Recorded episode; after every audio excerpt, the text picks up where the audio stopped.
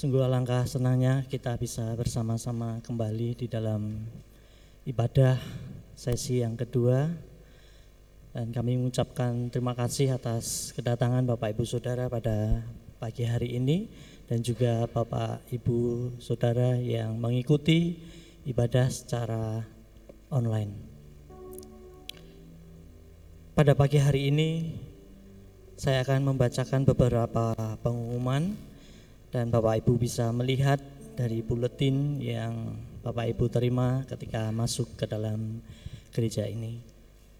Untuk petugas minggu depan bisa memperhatikan baik itu di dalam doa Rabu maupun kebaktian untuk minggu tanggal 20 baik kebaktian 1, kebaktian 2, kebaktian bahasa Inggris dan kebaktian sore. Untuk kelas sekolah minggu kelas pra indria madya diadakan setiap hari minggu pukul 7.30 secara offline dan bisa diikuti juga buat setiap pra indria dan madya. Komsel dewasa diadakan secara online dan tatap muka. Untuk tatap muka setiap hari Minggu jam 7.30 hingga 8.45 di gereja. Persekutuan PPI diadakan pada hari Senin 14 Maret 2022 jam 18.30 di gereja. Segenap kaum pria diundang untuk hadir. GPI Candi mengucapkan selamat ulang tahun pada tanggal 13 Maret Saudara Jeremy Sevanya Jaka Avante, Ibu Francisca Nila Retnaningrum, tanggal 14 Maret Saudari Rahel Margareta, Bapak Yusmianto, Ananda L. Jeremia Axel Martin. Tanggal 15 Maret Bapak Lasiman, tanggal 19 Maret Bapak Martin. Gereja juga mengucapkan terima kasih atas persembahan bunga indah yang dipersembahkan pada setiap kebaktian ini yaitu kepada Ibu Arum Jidono.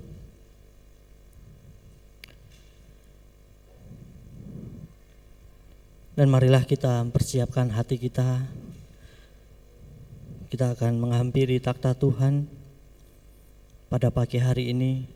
Saya memberikan kesempatan buat Bapak Ibu Saudara mengambil waktu sejenak untuk mempersiapkan hati dan pikiran kita pada pagi hari ini. Aku bersuka cita ketika dikatakan orang kepadaku, mari kita pergi ke rumah Tuhan.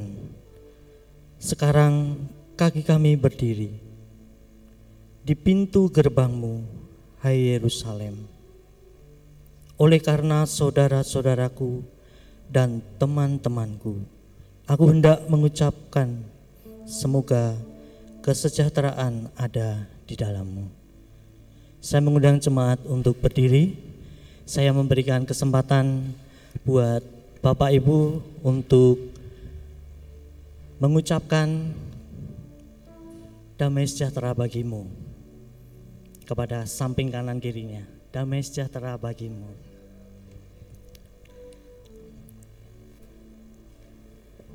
Amin.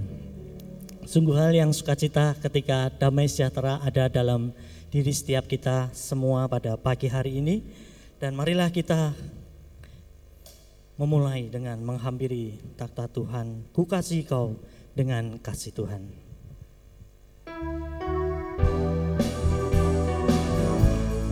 Kita bisa bertepuk tangan.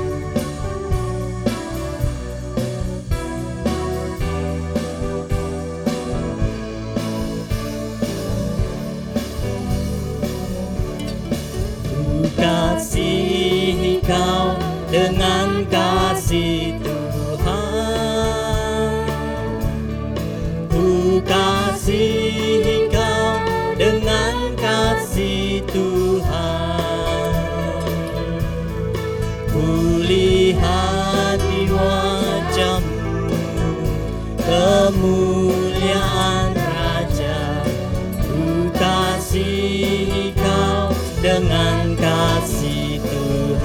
kasih kau dengan kasih Tuhan. Ku kasih kau dengan kasih Tuhan. Ku kasih kau dengan kasih Tuhan. Ku lihat di wajahmu kemuliaan kasih kau dengan kasih Tuhan. Sekali lagi, ku kasih kau dengan kasih Tuhan. Kasih kau dengan kasih Tuhan. Ku kasih kau dengan kasih Tuhan. Ku lihat di wajahmu kemuliaan Raja. Ku kasih kau dengan kasih Tuhan. Ku kasih kau dengan kasih Tuhan. Ku kasih kau dengan kasih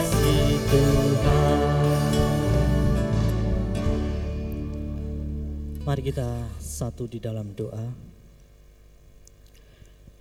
Segala hormat, puji, dan syukur kami naikkan kepadamu ya Bapa pada pagi hari ini. Di dalam ibadah pada pagi hari ini, di sesi yang kedua ini ya Tuhan. Kami menyerahkan diri kami, setiap anak-anakmu yang pagi hari ini ada di gereja ini Tuhan maupun setiap anak-anakmu yang saat ini di mana pun mereka berada dan mengikuti secara online. Tuhan, Engkau memberkati setiap kami.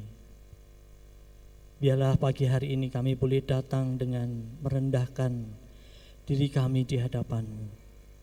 Oleh karena kami mau menyerahkan hidup kami sepenuhnya pada pagi hari ini untuk menyembah dan memuliakan Engkau. Kami menyadari ya Bapa bahwa hidup kami kami masih banyak melakukan kesalahan di hadapan Tuhan. Dalam sepekan kami banyak melakukan hal-hal yang tidak berkenan di hati Tuhan. Ampunilah segala dosa serta pelanggaran kami ya Bapa. Sehingga pada pagi hari ini kami layak untuk menyembah Tuhan memuliakan Tuhan dengan segenap hati dan jiwa raga kami pada pagi hari ini. Kami menyerahkan ya Bapa ibadah kami dari awal pertengahan hingga akhir ke dalam tangan dan kasih-Mu saja. Di dalam nama Tuhan Yesus Kristus kami mengucap syukur. Haleluya. Amin. Dipersilahkan duduk.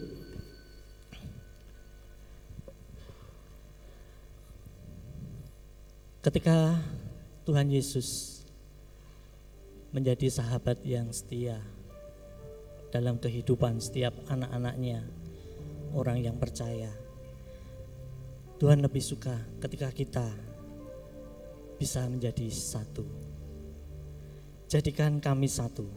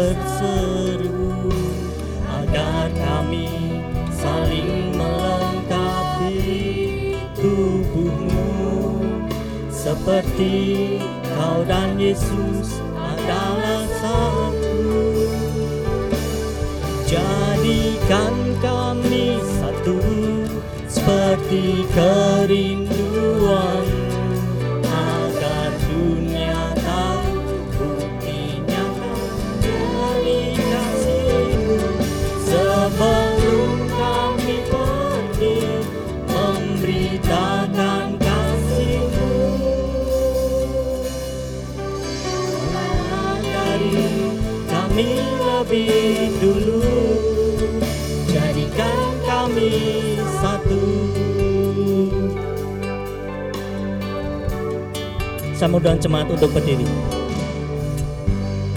Kami rendahkan diri di hadapanmu membawa hancur hati saat berseru agar kami saling melengkapi tubuhmu. Seperti kau dan Yesus jadikan kami satu seperti kerinduanmu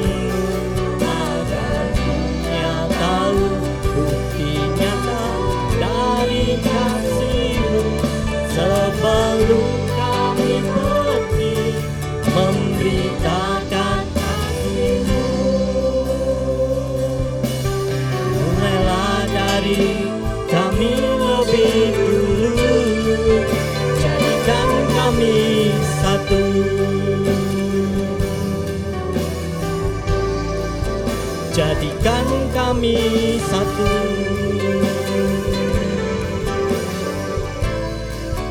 Jadikan kami satu. Bersilakan duduk kembali. Saat kita akan membuka firman Tuhan pada pagi hari ini. Firman Tuhan diambil dari 1 Samuel pasal 18 ayat 1 sampai dengan yang kelima.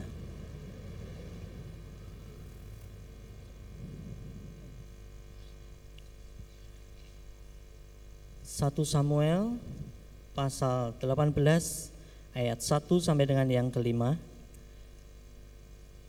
Demikian firman Tuhan. Ketika Daud habis berbicara dengan Saul, berpadulah jiwa Yonatan dengan jiwa Daud.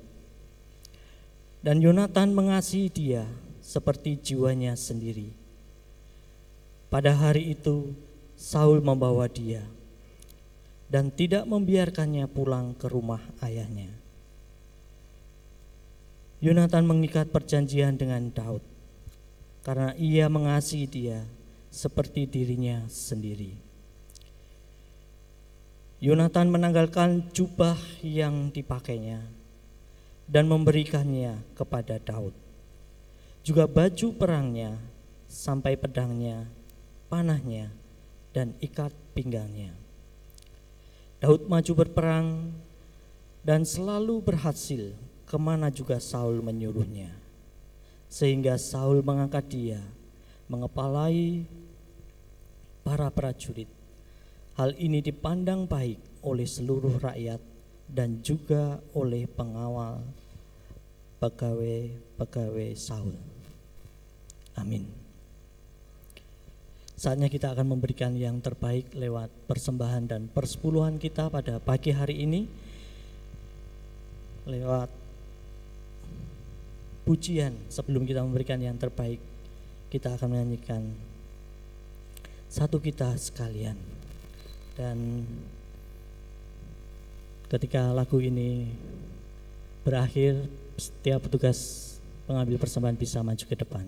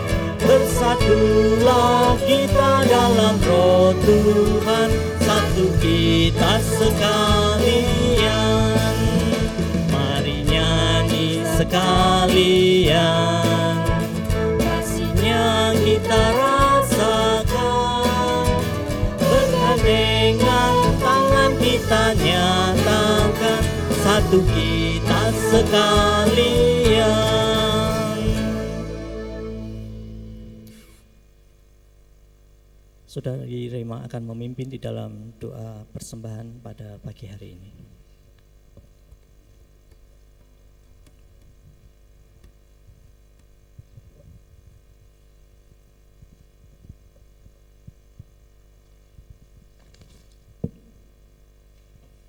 Mari kita berdoa.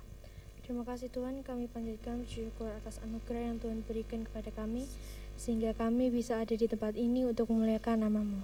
Dan saat ini kami akan memberikan persembahan dan persepuluhan kami, Tuhan melayakan, sehingga menjadi persembahan dan persepuluhan yang berkenan kepada Tuhan. Terima kasih Tuhan Yesus, amin. Amin. Sehingga akan memimpin dalam persembahan pujian untuk mengiringi pada pagi hari ini.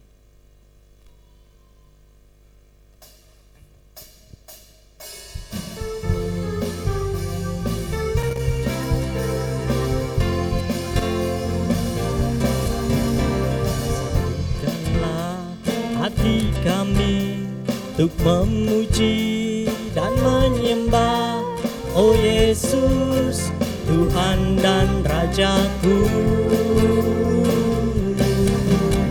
Eratkanlah tali kasih di antara kami semua Oh Yesus Tuhan dan Rajaku. Bergandengan tangan satu kasih Bergandengan tangan dalam satu iman Saling mengasihi di antara kami Keluarga kerajaan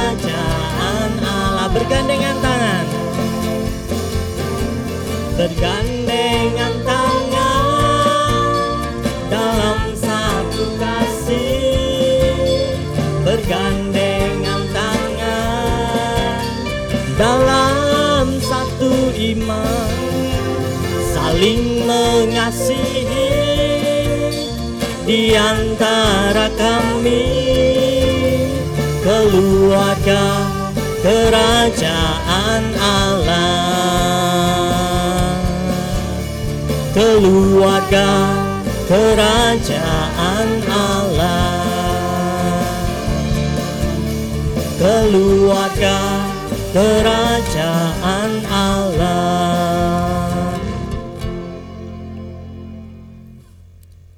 Saatnya kita akan mendengar dan menanggapi firman Tuhan yang pagi hari ini akan disampaikan oleh Bapak Pendeta Eko Kurniadi. Namun sebelumnya kita akan persiapkan hati dan pikiran kita dengan menyanyikan Satukan Kami.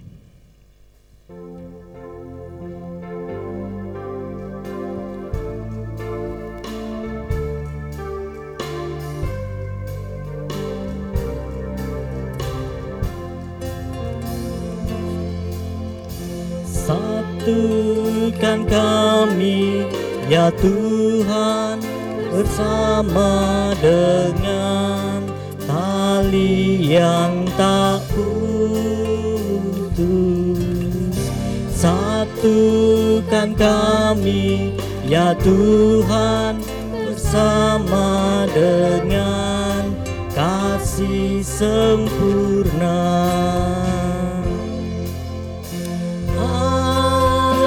kami satu. Raja pun satulah Tubuh Kristus satu. Sebab itu ku nyanyi. Satukan kami ya Tuhan Bersama dengan tali yang tak putus Satukan kami ya Tuhan Bersama dengan kasih sempurna. Allah kami satu Raja pun satulah Tubuh Kristus satu. Sebab itu ku nyanyi. Satukan kami ya Tuhan Bersama dengan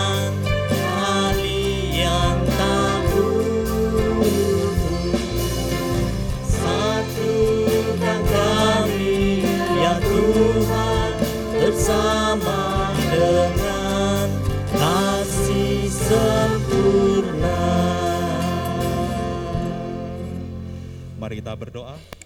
Bapa di dalam surga, kami sungguh bersyukur pagi ini kami bersama menyembah Tuhan dan saat ini kami ingin mendengar firman-Mu. Berbicaralah kepada kami, setiap kami, kami semua hamba-hambamu siap untuk menjadi pendengar yang baik dan menjadi pelaku-pelaku firman. Di dalam nama Tuhan Yesus Kristus kami berdoa. Amin. Selamat pagi saudara-saudara. Ada sukacita. Puji Tuhan ada buku Niman, eh, Bu. Wah, puji Tuhan bisa eh, dibawa, diajak untuk beribadah. Eh, berapa waktu yang lalu eh, Mbak Dewi eh, cerita-cerita dan kita eh, bilang bisa bisa datang, bisa bersama-sama menyembah eh, Tuhan di kesempatan hari ini. Puji Tuhan. Saudara-saudara, sebelum saya khotbah, saya ingin sampaikan pengumuman kita eh, bergumul dengan calon gembala sidang kita untuk di cabang eh, Sarejo dan Cerewek dan hari Jumat yang lalu sudah ada eh, surat jawaban bahwa pendeta muda Martin Supriyono tidak bersedia untuk melayani di Cerewek dan Sarejo. Jadi nanti panitia mimbar dan kita kembali bergumul supaya Bapak uh, mengutus pekerja untuk tuayannya. Baik saudara-saudara saya akan berkhotbah hari ini dengan tema berteman dan bersahabat yang sehat. Mari kita akan perhatikan di dalam ayat 1 dari 1 Samuel 18 ayat 1 saya ingin baca untuk saudara-saudara. Ketika Daud habis berbicara dengan Saul, berpadulah jiwa Jonathan dan jiwa Daud dan Yonatan mengasihi dia seperti jiwanya sendiri. Saudara-saudara di dalam teks ini uh, biasa ada pendukung yang LGBT, ya sudah tahu LGBT ya. Ini memakai teks ini untuk mendukung uh, tentang cinta yang sesama jenis. Nah, Alkitab tidak mengajarkan itu, saudara-saudara. Tuhan jelas memberikan tahu kepada kita bahwa Dia menciptakan Adam dan Hawa, dan cinta diberikan kepada mereka. Dan biasanya oleh teolog-teolog liberal ini dipakai untuk menjadi pembenar bagi mereka untuk mendukung uh, paham tentang LGBT. Nah, tapi saya tidak akan membahas tentang itu, saudara-saudara. Saya ingin kita belajar dari persahabatan uh, Yonatan dan Daud. Itu sebabnya saya memberi tema uh, hari ini berteman dan bersahabat yang sehat. Saudara saya punya denah rumah. Tidak semua orang punya uh, dan menganggap semua orang adalah sahabat. Di depan rumah kita ada jalan saudara-saudara, banyak orang yang lewat di depan rumah kita. Dan biasanya orang seperti ini mewakili adalah orang-orang yang tidak kita kenal. Atau orang yang kita kenal tetapi orangnya hanya lewat saja dalam kehidupan kita ya. Nah biasanya tidak menggubris apa yang mereka katakan. Makanya biasanya untuk orang yang ada di jalanan di luar uh, pagar kita. Kalau kita senang, kalau kita uh, tidak senang kita ngomong wes jarno wae wong edan kayak. Biasa begitu ya. Karena di jalanan kayak gitu ya saudara-saudara. Karena tidak ada orang yang kita uh, kenal ya. Kita juga misalnya ada orang di pelataran kita. Nah ini orang yang kita kenal masuk di halaman kita mungkin bergaul tidak dalam. Makanya ada beberapa rumah-rumah ada namanya foyer atau teras atau ada foyer. Itu tempat antara biasa orang yang bertemu, orang yang tidak terlalu dekat, mungkin hanya beritanya singkat ada di pelataran kita. Kemudian kalau masuk lagi saudara-saudara ada orang yang berada di ruang tamu kita. Ini berarti mungkin kita bergaul adalah orang-orang yang menjadi teman baik kita, bisa bercengkrama di situ, bicara, berdiskusi macam-macam, panjang lebar ada di situ. Ada teman-teman kita yang ada di situ. Tetapi juga ada orang yang bisa dianggap sebagai sahabat, saudara-saudara, teman baik ya kalau bahasa Inggrisnya a good friend. Ada perbedaan antara friend, good friend, dan best friend. Ada orang yang uh, dianggap lebih dekat lagi. Biasanya mereka ada di ruang uh, keluarga, bisa makan bersama di situ, bisa ngobrol, orangnya bludas-bludus ya, biasa begitu. Tapi juga ada orang di dalam lingkungan kita saudara-saudara yang disebut sebagai sahabat. Bahkan sampai uh, mungkin uh, di, diizinkan untuk masuk ke ruang uh, tidur kita, kamar kita. Pokoknya bludas-bludus santai aja, anggap rumah sendiri. Nah saudara-saudara itu teman-teman kita, berbagai macam orang yang ada di dalam sekitar kehidupan kita. Nah kita memang tidak bisa mempunyai semua orang adalah teman kita, tetapi kita bisa tahu tempat di mana fungsinya apa, bagaimana mereka ada bersama dengan kita, ada dalam kehidupan kita. Nah itu sebabnya saya ingin kita belajar dari persahabatan antara Daud dan Goliat. Saudara perhat, uh, Daud dengan Yo, Yo, Yonatan ya saudara-saudara. Nah kalau Anda membaca kisah sebelumnya bahwa Daud adalah orang yang menang perang, masuk dalam lingkungan kerajaan.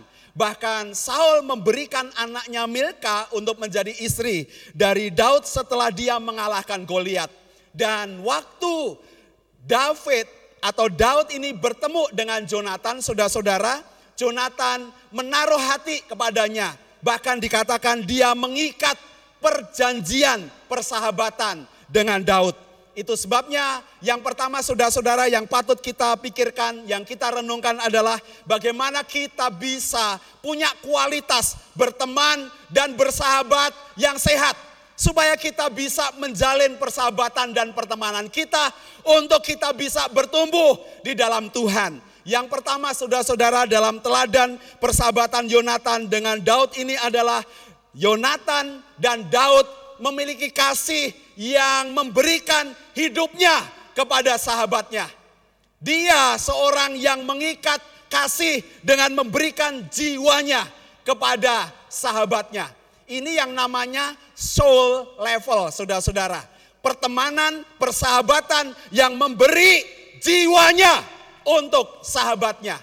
Ada dalam tingkat persahabatan karena jiwa, kepribadian, karakter, hak milik semuanya diberikan kepada sahabat-sahabatnya. Saudara, Anda perhatikan ayat yang pertama, berpadulah jiwa Yonatan dengan jiwa Daud dan Yonatan mengasihi dia seperti jiwanya sendiri, soul level. ada persahabatan, ada pertemanan yang jiwanya diberikan.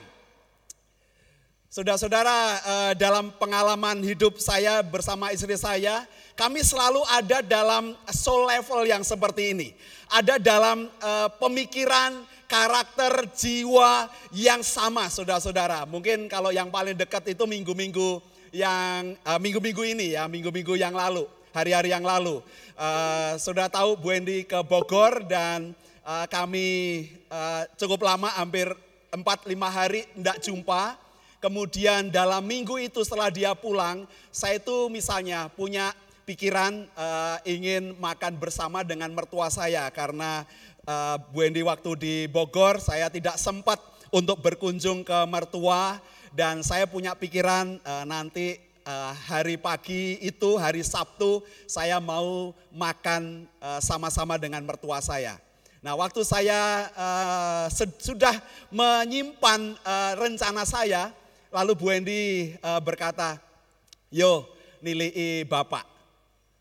Oh iya, aku hari ini juga rencana mau ngajak kamu makan bareng sama uh, mertua saya. Dan dia bilang, oh sama ya pikirannya. Dan itu sering terjadi saudara-saudara. Dalam persahabatan, dalam pertemanan, berpadu secara jiwa, ada mengasihi secara jiwa, Anda memiliki jiwa yang sama, karakter yang sama, pikiran-pikiran yang sama, hati yang sama, hati yang sejalan, yang bisa di, dikompromikan saudara-saudara, itu cara berteman, bersahabat, mengasihi dengan jiwa.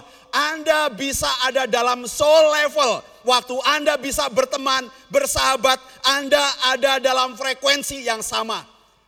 Saudara ini hal yang menarik karena waktu Allah menyebut Anda dan saya adalah sahabat dan bukan lagi hamba karena dia memberitahukan semua pikiran-pikirannya kepada kita sebagai sahabat.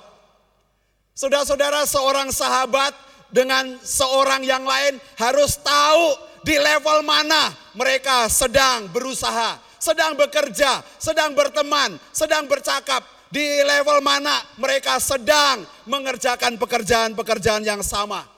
Saudara tentu ingin dianggap kehadiran Anda ada waktu Anda diajak bekerja sama.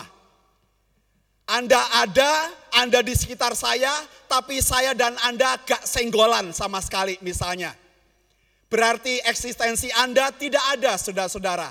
Itu yang dipakai oleh faham orang-orang liberal yang berkata bahwa Tuhan tidak ada. Pemasmur berkata orang yang bodohlah, orang yang bebalah yang berkata bahwa Tuhan tidak ada.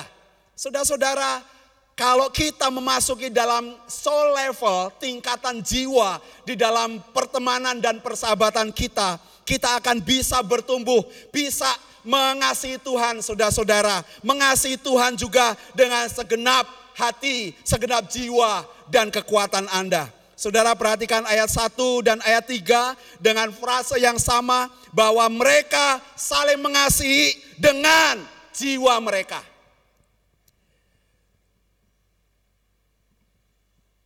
Kita bukan hanya tersenyum, ya, bukan hanya menyapa saudara-saudara, tetapi ada dalam tingkatan mengasihi secara jiwa, soul level. Ya. Nah, bagaimana Anda? Bagaimana saya? Bagaimana dalam pergaulan di dalam keluarga kita? Bagaimana dalam persekutuan kita, saudara-saudara? Bagaimana apa yang terjadi dengan pelayanan-pelayanan kita? Persekutuan-persekutuan kita. Apakah kita ada di dalam soul level, di dalam persahabatan, pertemanan, persekutuan kita di dalam melayani Tuhan. Saudara-saudara, kehadiran Anda sangatlah penting. Eksistensi Anda, Anda ada, tetapi kalau Anda tidak ada dekat dengan saya, pasti kita nggak nyenggol ya. Kalau misalnya saudara tidak punya nomor WhatsApp saya, saya tidak punya nomor WhatsApp Anda, pasti kita tidak akan pernah senggolan. Tapi kalau kita ada di grup yang sama saudara-saudara, Anda bisa tahu ada Anda eksis, Anda ada di sana, saya ada di sana dan kita bisa merasakan kehadiran seorang terhadap yang lain. Punya pikiran yang sama saudara-saudara. Yang kedua dalam bagian ini yang penting bukan saja hanya secara alami ada dalam uh, soul level, ada dalam tingkatan jiwa di dalam mengasihi, tetapi kita perlu punya komitmen. Setiap kita, pertemanan kita harus ada perjanjian. Bahkan di dalam gereja, saudara-saudara persekutuan, gereja itu kan artinya persekutuan orang-orang yang percaya dalam Tuhan Yesus Kristus sebagai Tuhan dan Juru Selamat dan dipersatukan di dalam persekutuan. Dan di dalam persekutuan ada namanya perjanjian anggota gereja. Perjanjian gereja baptis itu kayak undang-undang itu saudara-saudara banyak ya. Dan banyak, lebih banyak yang tidak kita lakukan ya. Lebih banyak yang kita uh, langgar. Karena ini meskipun bukan seperti hukum Taurat saudara-saudara, tetapi ikatan janji ini akan membangun Anda punya komitmen. Kemarin dalam launching kelompok kecil, kelompok sel kita dalam tumbuh bersama dengan PPA, saya sampaikan baik mentor maupun mentinya, baik mentor maupun orang dalam anggota kelompoknya harus punya komitmen. Enggak bisa hanya gurunya, tidak bisa hanya mentornya. Kalau di gereja tidak bisa hanya pendetanya saja, saudara-saudara, setiap orang harus membangun komitmen, punya ikatan untuk bertumbuh bersama. Saudara-saudara, ini yang akan menolong kita untuk bisa memiliki kasih yang soul level. Kita bisa mengasihi dengan jiwa kita karena kita punya ikatan janji. Seperti juga Yonatan dengan Daud, saudara-saudara. Atau kita terjemahkan di dalam pernikahan. Seorang laki-laki seperti saya menikah dengan istri saya, saudara-saudara kami diikat dalam perjanjian Bukan saja perjanjian cinta saudara-saudara, tetapi semuanya ada dalam perjanjian yang sama. Kita hidup bersama-sama supaya kita dapat hidup untuk semakin mengasihi Tuhan. Di dalam keluargalah istri dan suami saling mengasah. Di dalam keluargalah kita punya komitmen, janji saudara-saudara, pertemanan seumur hidup, persahabatan seumur hidup. Di dalam keluarga, ini real banget ya. Uh, kalau nanti saudara yang belum menikah akan masuk jenjang pernikahan, saudara akan merasakan betapa uh, keluarga itu harusnya menjadi tempat yang paling indah, saudara-saudara. Di dalam keluarga. Tetapi banyak keluarga-keluarga jadi neraka ya. Uh, uh, kita uh, bosen di dalam keluarga kita, kita bosen dengan pasangan kita, kita bosen dengan ketemu anak kita, kita bosan dengan kebiasaan-kebiasaan yang terjadi dalam keluarga. Saudara persoalan yang paling besar di dalam pergaulan, persahabatan, pertemanan, dan termasuk di dalam keluarga. Apalagi di dalam gereja saudara-saudara. Milikilah ikatan perjanjian. Punyalah komitmen saudara-saudara. Anda dulu tidak kenal saya, saya tidak kenal Anda. Tidak ada tanggung jawab saya untuk berdoa untuk Anda Ibrani pasal 13 ayat 7, ayat 17, ayat 18 berkata bahwa seperti saya seorang gembala harus berdoa untuk menjaga mereka kawanan domba Allah supaya mereka dengan hati nurani murni mereka melayani orang-orang itu berjaga-jaga atas jiwanya. Saudara-saudara, masing-masing kita harus mengikat perjanjian kalau kita mau punya persahabatan yang intim dengan Tuhan, ikatlah persahabatan dan ikat perjanjian dengan Tuhan. Kalau saudara mau punya keintiman seorang terhadap yang lain, milikilah komitmen, punyalah janji supaya ada dalam soul level yang dikendaki oleh Tuhan. Dalam keluarga-keluarga saudara-saudara, penting bagi setiap orang percaya untuk punya kehidupan yang ada dalam tingkatan mengasihi dengan jiwa. Saudara-saudara, kita bisa melihat beberapa contoh yang eh, ada di dalam ayat-ayat kita. Misalnya ayat yang keempat, saudara-saudara. Yonatan dalam persahabatannya, dia memberikan perlengkapan perangnya. Dia memberikan baju perangnya kepada Daud. Meskipun pasti dia tahu waktu uh, Daud mau maju perang dan Saul memberikan pakaian perang dan Daud uh, sempat mencobanya, wah kegedean Pak, Aku nggak bisa ngeliat ini helmnya kegedean. Dan berat banget ya. Oh, hidup ini udah berat ditambahi helmmu berat banget ya. Wah udah berat. Wah ini uh, bajunya kedodoran ini. Uh, saya nggak bisa bergerak sama sekali. Senjata saya hanya ketapel, uh, batunya pun hanya lima, saudara-saudara. Lima batu yang licin yang diambil dari dasar sungai, dipilih batu yang licin, lima saja saudara-saudara. Dan tentu dengan keterampilan si Yonatan ini tahu bahwa Daud seorang yang terampil luar biasa bisa menang perang dengan hebatnya. Dan dia tidak membawa segerobak batu untuk maju perang saudara-saudara dengan Goliat. Dia hanya memilih lima saja saudara-saudara. Artinya bahwa Daud ini adalah seorang yang punya skill yang tinggi, biasa berlatih. Dan uh, saudara uh, tentunya Yonatan tahu uh, keterampilan dari Daud. Tetapi toh apa yang lengkap sudah dimiliki oleh Daud. Yonatan tetap memberi memberi pakaiannya, memberi bajunya, memberi semua perlengkapan perang dan senjatanya saudara-saudara seorang yang mau menjadi teman yang baik, sahabat yang baik, punyanya sikap memberi dan berkorban. Saudara ini yang yang harus dimiliki kalau Anda mau dan saya mau ada di dalam soul level, tingkatan jiwa di dalam berteman dan bersahabat, berani memberi, mau memberi, rela berkorban. Nyawa pun di dalam 1 Yohanes 2 menyebutkan bahwa Anda saya menyerahkan nyawanya untuk saudara-saudaranya. Wah ini luar biasa sekali ya. Ada di tingkatan top so level ya saudara-saudara. Kalau kita mau berteman, bersahabat, bahkan dengan uh, suami ataupun istri seumur hidup kita. Wah luar biasa. Contoh yang kedua saudara silahkan memperhatikan dalam 1, Yohan, uh, 1 Samuel pasal 19 ayat 1 dan 2 dan kemudian ayat yang keempat. Saul mengatakan kepada Yonatan anaknya dan kepada semua pegawainya bahwa Daud harus dibunuh, tetapi Yonatan anak Saul sangat suka kepada Daud sehingga Yonatan memberitahukan kepada Daud, "Ayahku Saul berikhtiar untuk membunuh engkau. Oleh sebab itu, hati-hatilah. Besok pagi duduklah di suatu tempat perlindungan dan bersembunyilah di sana." Ayat yang keempat, Lalu Yonatan mengatakan yang baik tentang Daud kepada Saul ayahnya, katanya, janganlah raja berbuat dosa terhadap Daud hambanya, sebab ia tidak berbuat dosa terhadapmu. Bukankah apa yang diperbuatnya sangat baik bagimu? Saudara-saudara, Yonatan di dalam ayat-ayat yang lain dia juga ditunjukkan bahwa dia memberitahukan rencana jahat dari ayahnya. Saudara sebagai seorang anak raja tentu secara psikis eh, Yonatan pasti ada dalam kekhawatiran harusnya.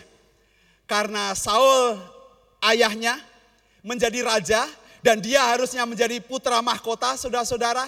Tetapi tetapi Daud sudah didengar bahwa dia ini sudah diurapi oleh Tuhan sebagai raja. Betapa logisnya kalau Yonatan ini juga sama pikirannya dengan Saul ayahnya.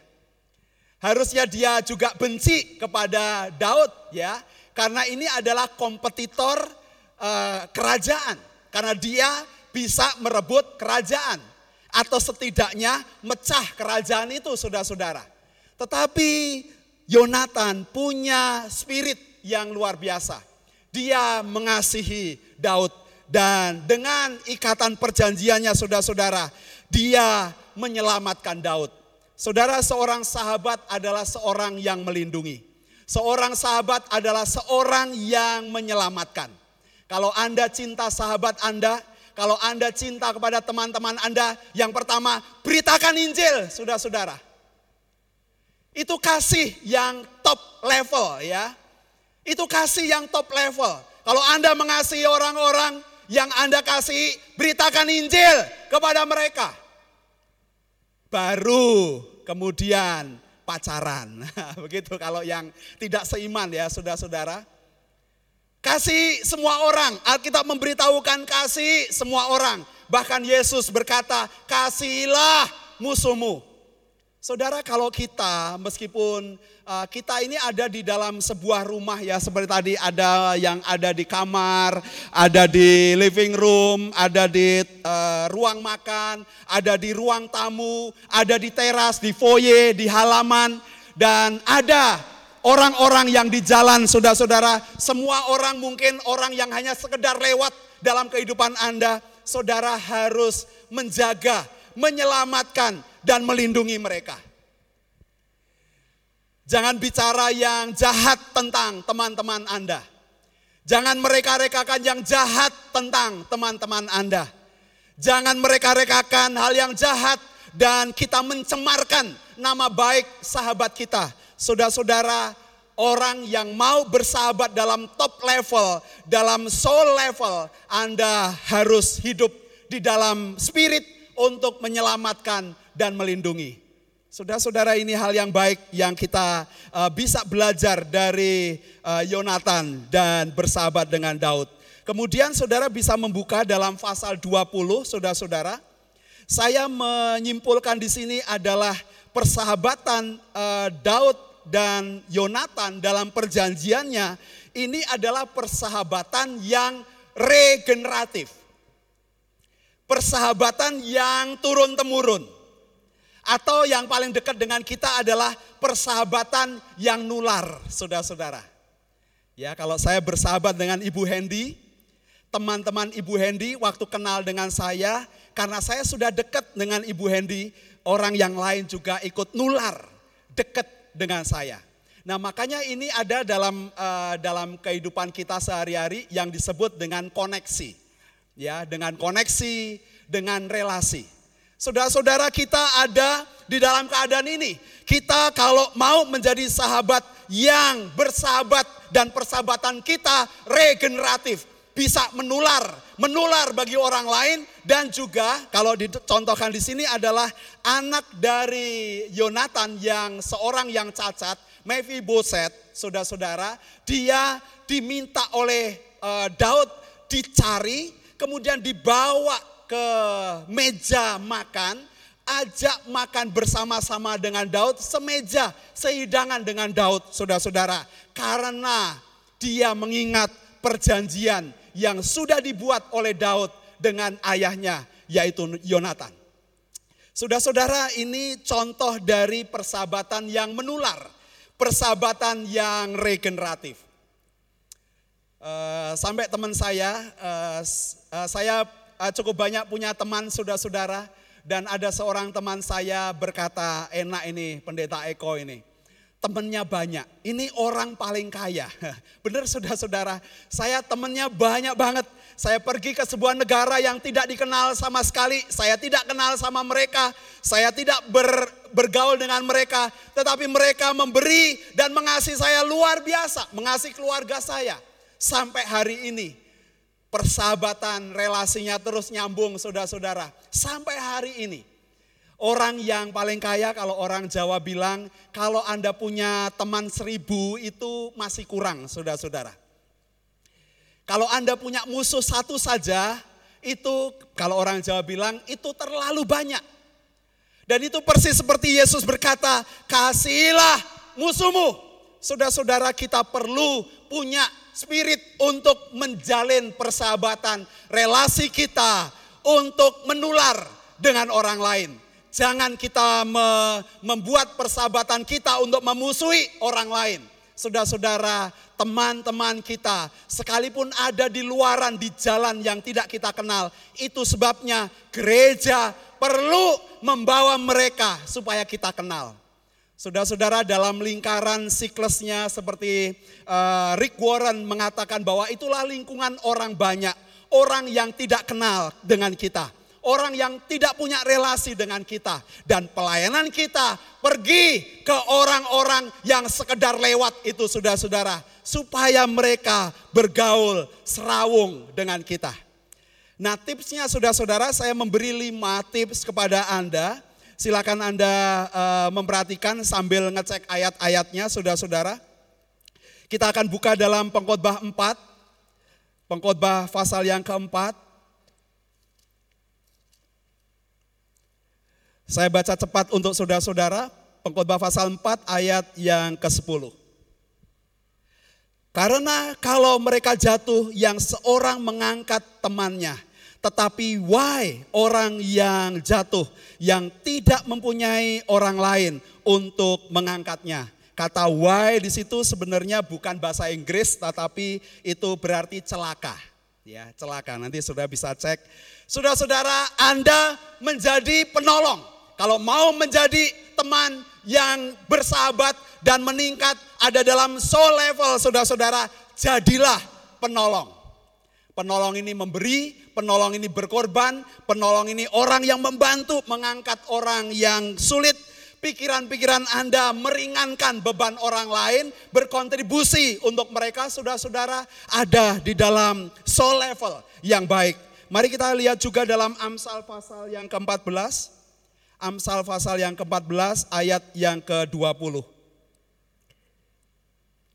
Juga oleh temannya orang miskin itu dibenci, tetapi sahabat orang kaya itu banyak Saudara-saudara, ini bukan menunjukkan uh, tentang uh, keadaan, tapi memang keadaannya faktanya kalau orang banyak duit itu dirubung dengan uh, semut ya, banyak orang senang.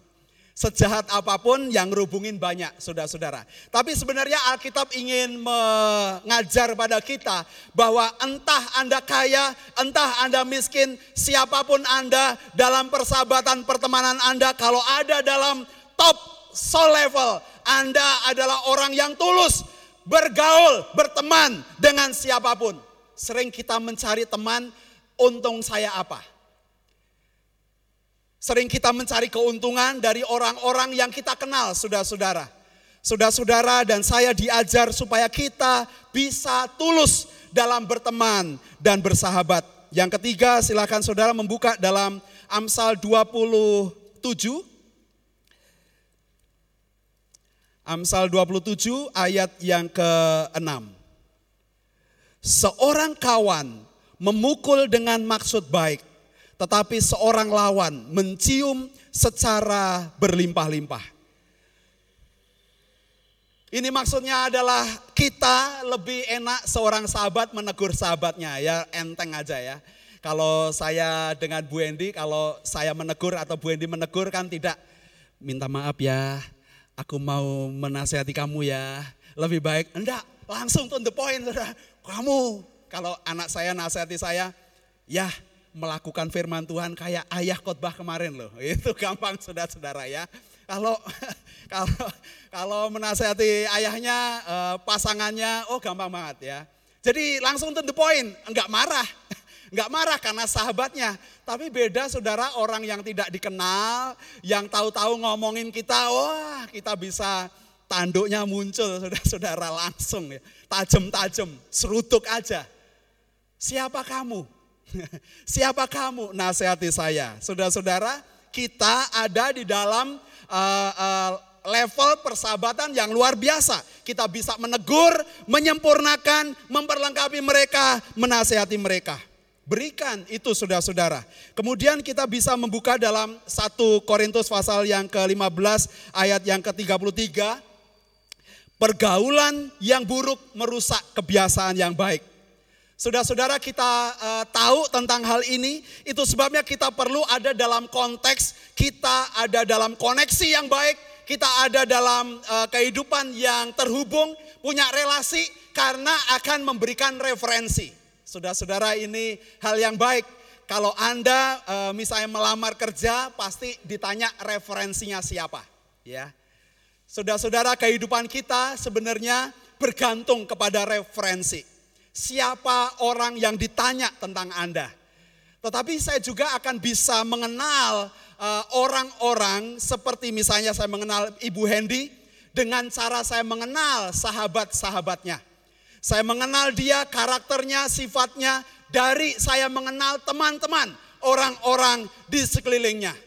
Saudara-saudara, eh, saya akan dikenal oleh orang lain ya kalau mereka bergaul dengan Anda. Dan mereka mengenal karakter Anda. Wah ini oh, mesti pendetane Pak Eko.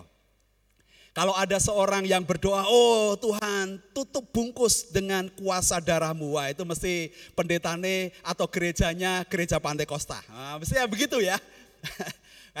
Saudara-saudara bisa tahu, saudara bisa tergambarkan ada referensi saudara-saudara.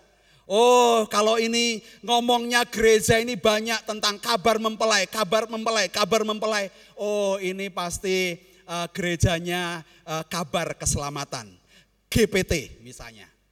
Saudara-saudara, kalau orang ngomong tentang mengajar tentang karunia lidah, tentang bahasa roh, Anda tahu itu gerejanya siapa.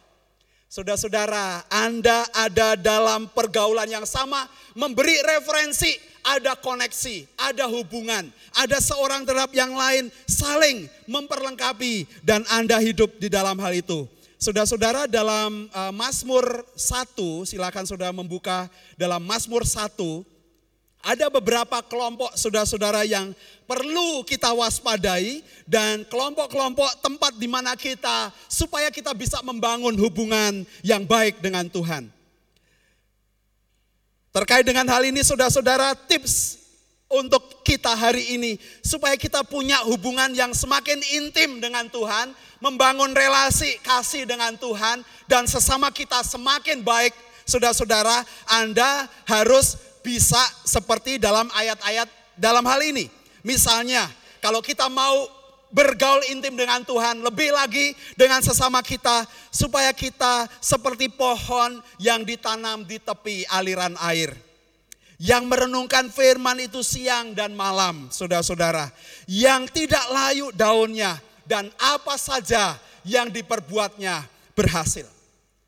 Saudara-saudara, ini kualitas untuk kita bisa mengasihi Tuhan, sehingga kita bisa seperti Abraham, menjadi orang yang disebut sebagai sahabat Allah.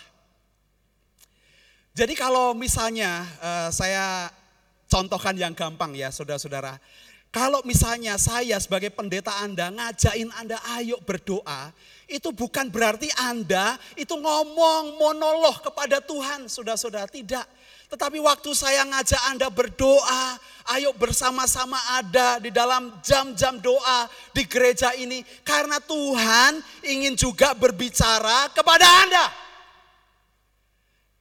Doa-doa kita, percakapan adalah percakapan yang berdialog dengan Tuhan. Saudara-saudara, hubungan kita dengan Tuhan bukan hubungan yang monolog. Kita berdoa, minta apa aja kepada Tuhan. Tetapi doa di mana kita mendengar dan Tuhan mau mencurahkan isi hatinya kepada kita. Bukan hanya jawaban-jawaban doa saudara-saudara. Tetapi isi hati Tuhan, sifat, karakter kita yang mau bergantung kepada Tuhan. Saudara milikilah lima kualitas tips ini supaya Anda dalam berteman, bersahabat ada di soul level, dalam tingkatan yang lebih baik di dalam kehidupan kita. Jangan anggap enteng orang yang lewat di depan kita, saudara-saudara, apa meneh ngarani wong edan jarnoe. Jangan demikian, saudara-saudara. Care, peduli, peduli dengan mereka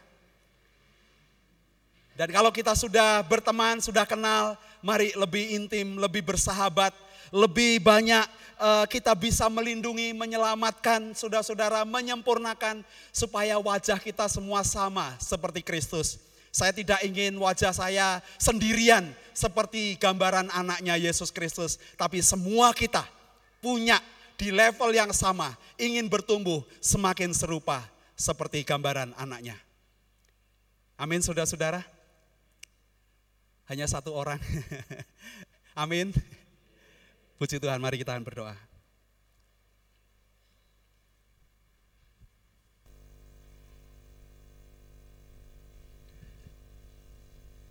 Silakan saudara berdoa secara pribadi kepada Tuhan. Bertanyalah kepada diri Anda sendiri, teman seperti apa Anda bagi sahabat-sahabat Anda.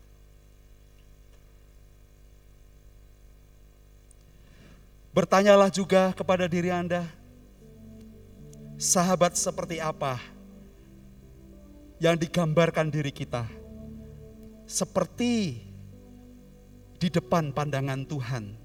Dia merindukan sahabat-sahabat. Dia mengangkat kita menjadi sahabat.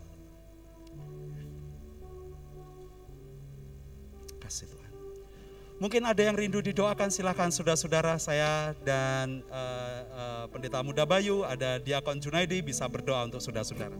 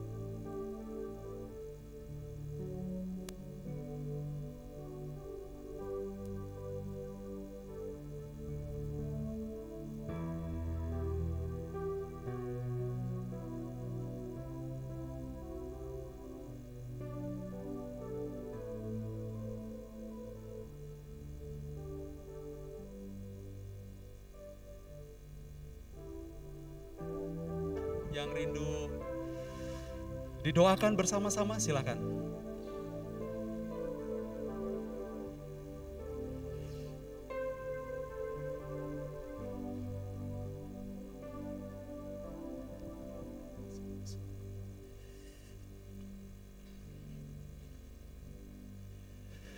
Mari kita akan berdiri bersama-sama, kita berdoa syafaat dan menutup ibadah kita dengan doa berkat. Bapa di dalam surga, kami bersyukur kami ditempatkan oleh Tuhan di tengah bangsa ini, bangsa Indonesia.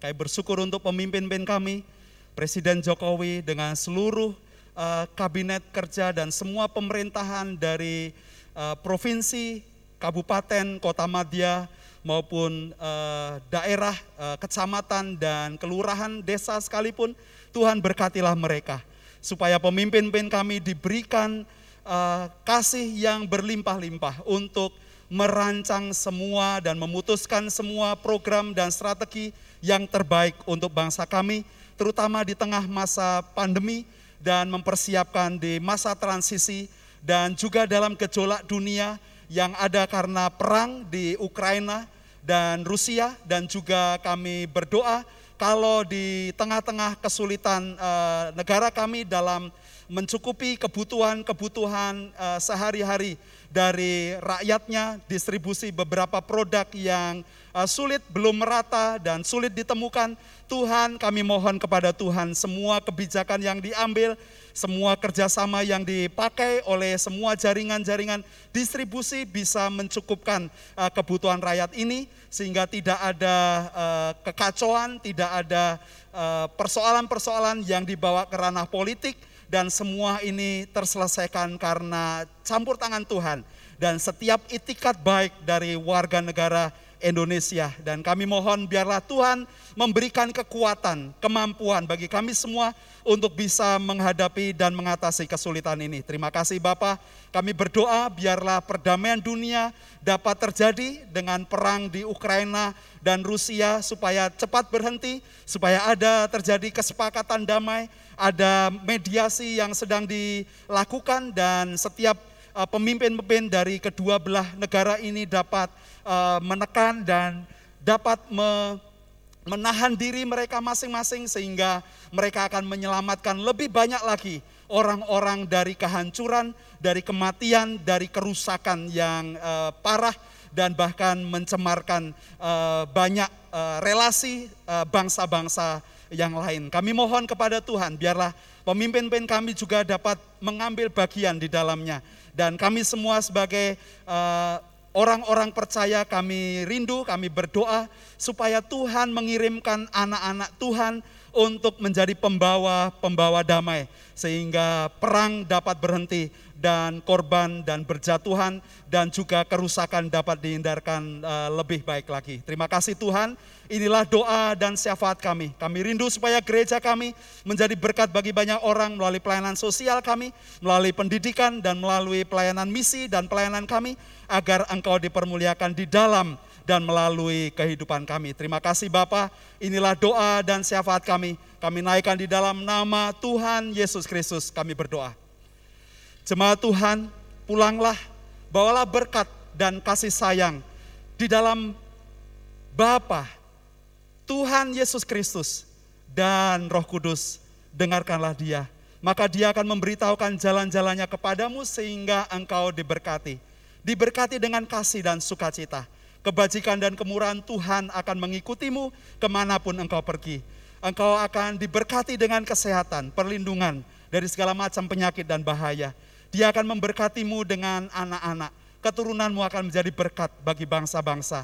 Dia akan memelihara kehidupanmu secara total dan melimpahkan rezeki dengan murah hati. Dan setiap tangan-tanganmu yang bekerja diberikan keberhasilan dan keberuntungan. Dan saksikanlah pada orang lain apa yang sudah Bapamu perbuat dalam kehidupanmu sehingga orang melihat perbuatan Bapamu yang baik dan mereka juga menyembah Bapamu yang di sorga. Terima kasih Tuhan Yesus, inilah ibadah kami.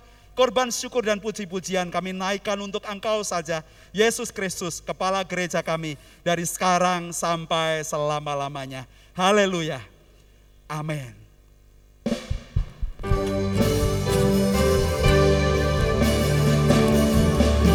jadikan kami satu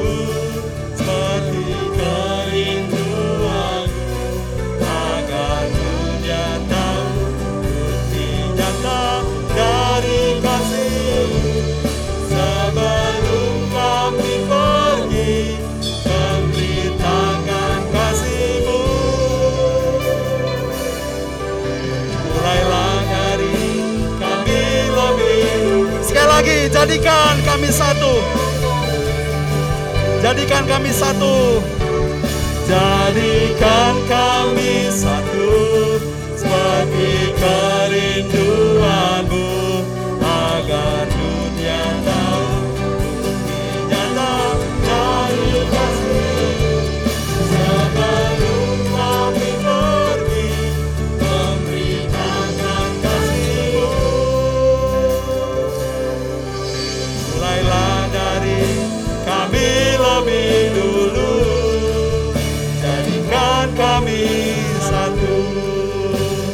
jadikan kami satu.